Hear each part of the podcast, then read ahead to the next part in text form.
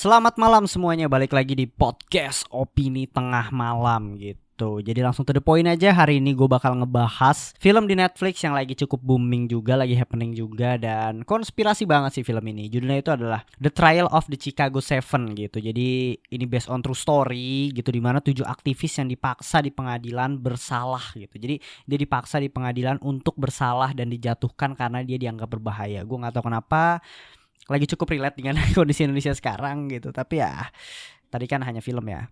Ada yang berbeda di episode kali ini. Mungkin yang di podcast kurang tahu. Jadi mungkin ini gue akan kasih tahu dulu di mana hari ini gue nggak bareng Ferdian, gue nggak bareng Faris, gue nggak bareng Ica, gue nggak bareng narasumber tapi gue sendiri di mana gue monolog gitu. Karena sebenarnya alasannya kenapa gue monolog karena kan uh, kalau podcast sih bakal terus lanjut ya. Karena podcast kan bisa by phone rekaman. Sejauh ini gue by phone by call uh, Zoom atau apa pun gitu. Jadi ya bisa tetap jalan episode seminggu sekali. Cuma kalau seandainya YouTube kan uh, kualitasnya kurang bagus kalau emang harus ngerekam by Zoom. Jadi ya pilihannya dua, vakum atau emang ya monolog kayak gini mau nggak mau harus diisi sama salah satu personil opini tengah malam gitu. Jadi gua akan coba format ini di mana gua ngomong sendiri gitu mungkin ya durasinya nggak lama cuma 10 sampai 15 menit jadi biar nggak vakum aja dan bahasnya tentang film yang ya mungkin enteng lah atau ada konspirasi juga enteng gitu. Jadi gue pengen banget kalian komen responnya gimana untuk konsep monolog kayak gini apakah kalian suka atau enggak ya. Kalau yang kurang suka ya mungkin harus vakum YouTube opini tengah malam gitu. Dan by the way kalau dengan konsep monolog kayak gini mungkin gue bisa ah apa ya kalau kalian suka jadi bisa bang bahas film ini bahas film ini. Dan kalau seandainya Faris Ferdian atau Ica nggak bisa gue bisa bahas sendiri kan. Jadi langsung masuk aja pasang kacamata konspirasinya tetap open minded balik lagi di podcast opini tengah malam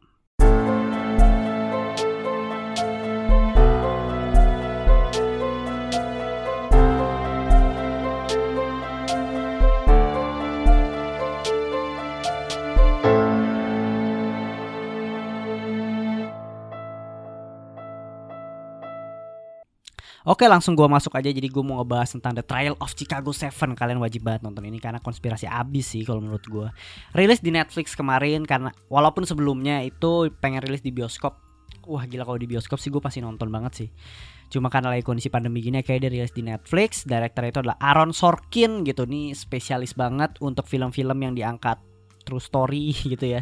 Dari Moneyball, dari The Social Network dia itu screenplaynya gitu. Jadi keren parah sih. Film ini gue akuin sangat-sangat emosional abis gitu. Jadi screenplaynya juga dia si Aaron Sorkin juga dan castnya itu gue yakin gak tau kenapa ya. Mungkin kenalannya si Aaron Sorkin kali ya. Karena dia emang udah lama di dunia film jadi kenal aja sama aktor-aktor gede gitu. Dan gue nggak tahu bayarannya berapa dan budgetnya berapa untuk film ini.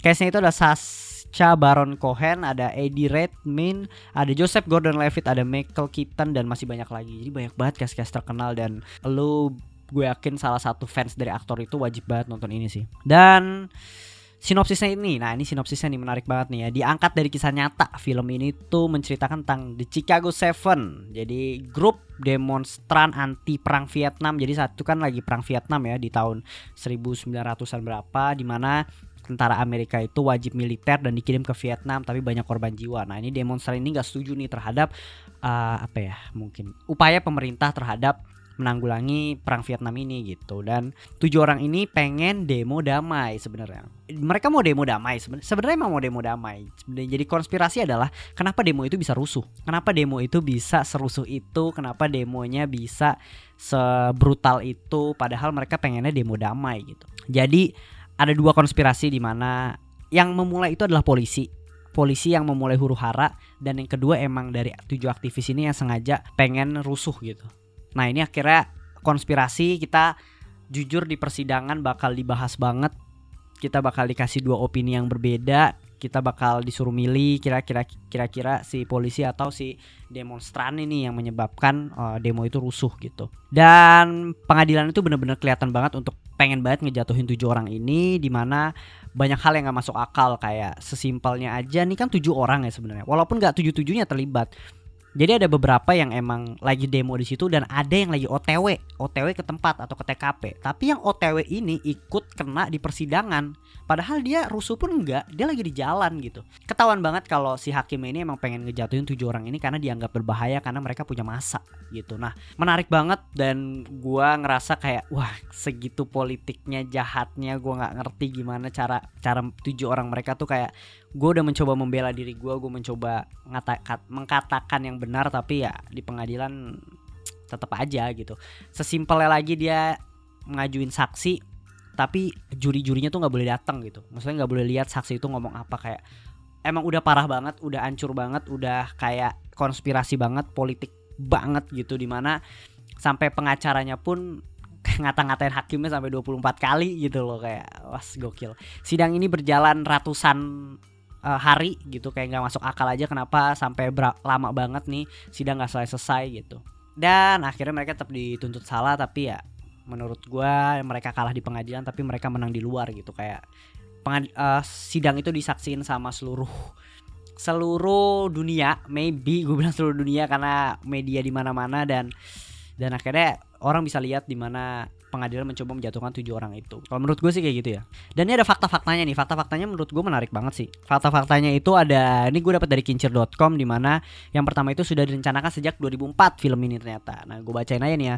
Sutradaranya sekaligus penulis naskah si Aaron Sorkin ini sebenarnya mengaku kalau film ini tuh udah lama banget emang pengen dibuat gitu, khususnya pas saat pemilihan presiden saat itu dan yang ngedirect itu pengennya si Steven Spielberg gitu. Nah, Spielberg nih pengen bilang ke Aaron Sorkin kalau kita yuk buat yuk film tentang uh, di Chicago Seven ini dan uh, dibuatlah naskahnya sama si Aaron Sorkin tapi karena isu budget akhirnya Spielberg keluar dari bangku sutradara. Dan akhirnya diambil alih sama si Aaron Sorkin itu sendiri. Dan dua case-nya bukan dari Amerika. Yes ini menurut gue sangat-sangat menarik banget gila banget. Terutama itu ada Sasa Baron Cohen dan Eddie Redmayne. Jadi si Sasa ini gitu dia tuh berakting gila banget. Dia kan biasa acting film-film lucu ya The, The, The Dictator Borat gitu dan Eddie Redmayne mah udah kita nggak nggak perlu ini lagi lah uh, pertanyakan lagi emang dia bagus gitu. Dan si Sasa ini di sini kelihatan banget actingnya di mana gila banget total banget badass banget dan gue sampai yang kayak wah keren banget loh lu keren banget gitu. Mungkin opini gue ya tentang film ini kekuatan itu di dialog. Jelas banget sih film ini tuh unik banget jadi bener-bener dialog full gitu. Nggak dialog full sih tapi kuncinya itu di dialog. Jadi buat kalian yang nonton tuh fokus sama kata-katanya karena kalau lu udah ngikutin di 30 menit akhir mungkin lu akan merinding banget gitu. Core-nya itu di pengadilan yes. Jadi dia ngambil timeline itu di pengadilan dia syutingnya tuh ngambil tuh di pengadilan dan ketika dia bersaksi atau hakim yang ngomong nanti baru kilas balik gitu flashback flashback gitu. Jadi pasti ngerti sih. Gue yakin ini Aaron Sorkin juga mencoba mempermudah agar penonton yang nggak tahu kasus ini tetap bisa menikmati film ini juga gitu.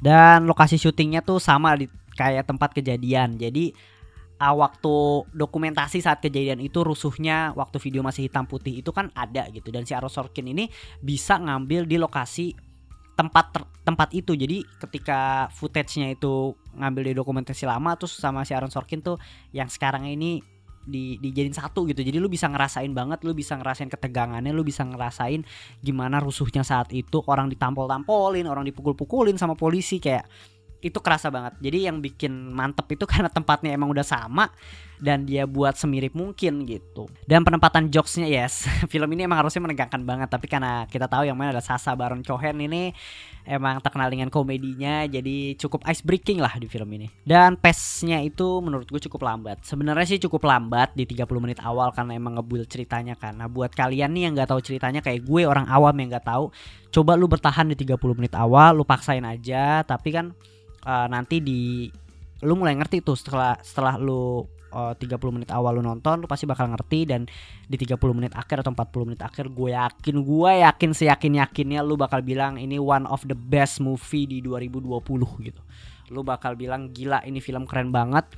Based on true story lu bakal nyari kasusnya maybe lu akan lihat fakta-faktanya karena emang ini film gila banget di 30 menit akhir sangat-sangat emosional parah. Nah intinya tuh ya nonton film ini lu sabar gitu. Karena kan dialog full gitu di mana 30 menit akhir lu mencoba mencerna apa nih ceritanya gitu. Tapi ya sabar aja karena ini akan jadi suatu film yang menarik banget sih. Dan dah sih segitu aja sih. Kalau dari dari gue sih sebenarnya segitu aja dan nggak lama juga sebenarnya untuk edisi monolog gua yang pertama ngebahas tentang film. Mungkin tadi terlepas dari ngebahas film juga ada fakta-faktanya kan. Jadi ya menarik lah menurut gue mungkin kalau kalian suka kalian bisa langsung komen-komen aja kira-kira bang buat segmen kayak gini lagi dong gitu. Jadi gue bisa nge-review bukan nge-review sih lebih tepatnya ngasih opini terhadap film-film yang baru keluar atau film-film yang ada konspirasinya. Tuh. Nah ya masih ada sisa waktu kurang lebih tiga menit jadi bisa gue sedikit ngobrol-ngobrol lah tentang film ini gitu. Semua tadi udah gue sampein konspirasinya gila banget. Gue akuin di mana politiknya parah banget. Gue suka tuh di mana salah satu adegan ini bukan bukan bukan spoiler di mana si kerusuhan itu dimulai saat lagi ayo kita kita mau demo damai ini mau demo damai tapi ada satu yang dipukulin polisi dan akhirnya sampai berdarah. Terus si salah satu karakter ngomong udah tahan tahan tahan lu coba suruh nenangin karena dia kan pemimpinnya coba tenangin masa lu untuk diem untuk diem gitu. Tapi si yang main tuh si Eddie si Eddie Redman ini ngomong ah teman kita di belakang berdarah, teman kita di belakang itu kena pukul gitu. Uh, biarkan darahnya mengalir ke seluruh kota ini. Kita pergi ke jembatan, boy gitu. Wah gila itu langsung pecah banget, pecah karena di situ terlibat kerusuhan gitu. Jadi intinya kesalahannya nggak tahu sih, kesalahannya ada di mana di polisi yang mukul. Eh ya salah polisi yang mukul salah, tapi si demonstrannya juga salah, si pemimpinnya ngumumin untuk kayak gitu gitu kebawa emosi sih lebih tepatnya karena temennya kan kena pukul. Dan itulah konspirasinya dan endingnya itu keren banget di mana dia bacain saat nama-nama 5000 orang nama-nama yang udah gugur di uh, perang Vietnam itu. Dan di pengadilannya itu merinding parah. Gua nggak tahu lagi gimana mendeskripsikan film ini sebagus itu segila itu dan wajib banget kalian tonton The Chicago Seven. Gue sebenarnya pengen bahas lebih, gue pengen bahas konspirasinya banget, tapi apa daya gue sendiri dan mungkin butuh Fedrian Faris gitu untuk menguak konspirasi-konspirasinya.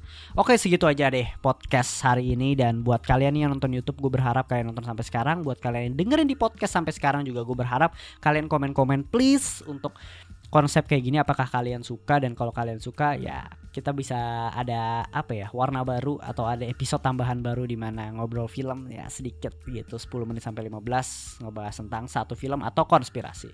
Sampai ketemu di episode berikutnya. Selamat malam, tetap open minded, pakai kacamata konspirasinya terus. Bye.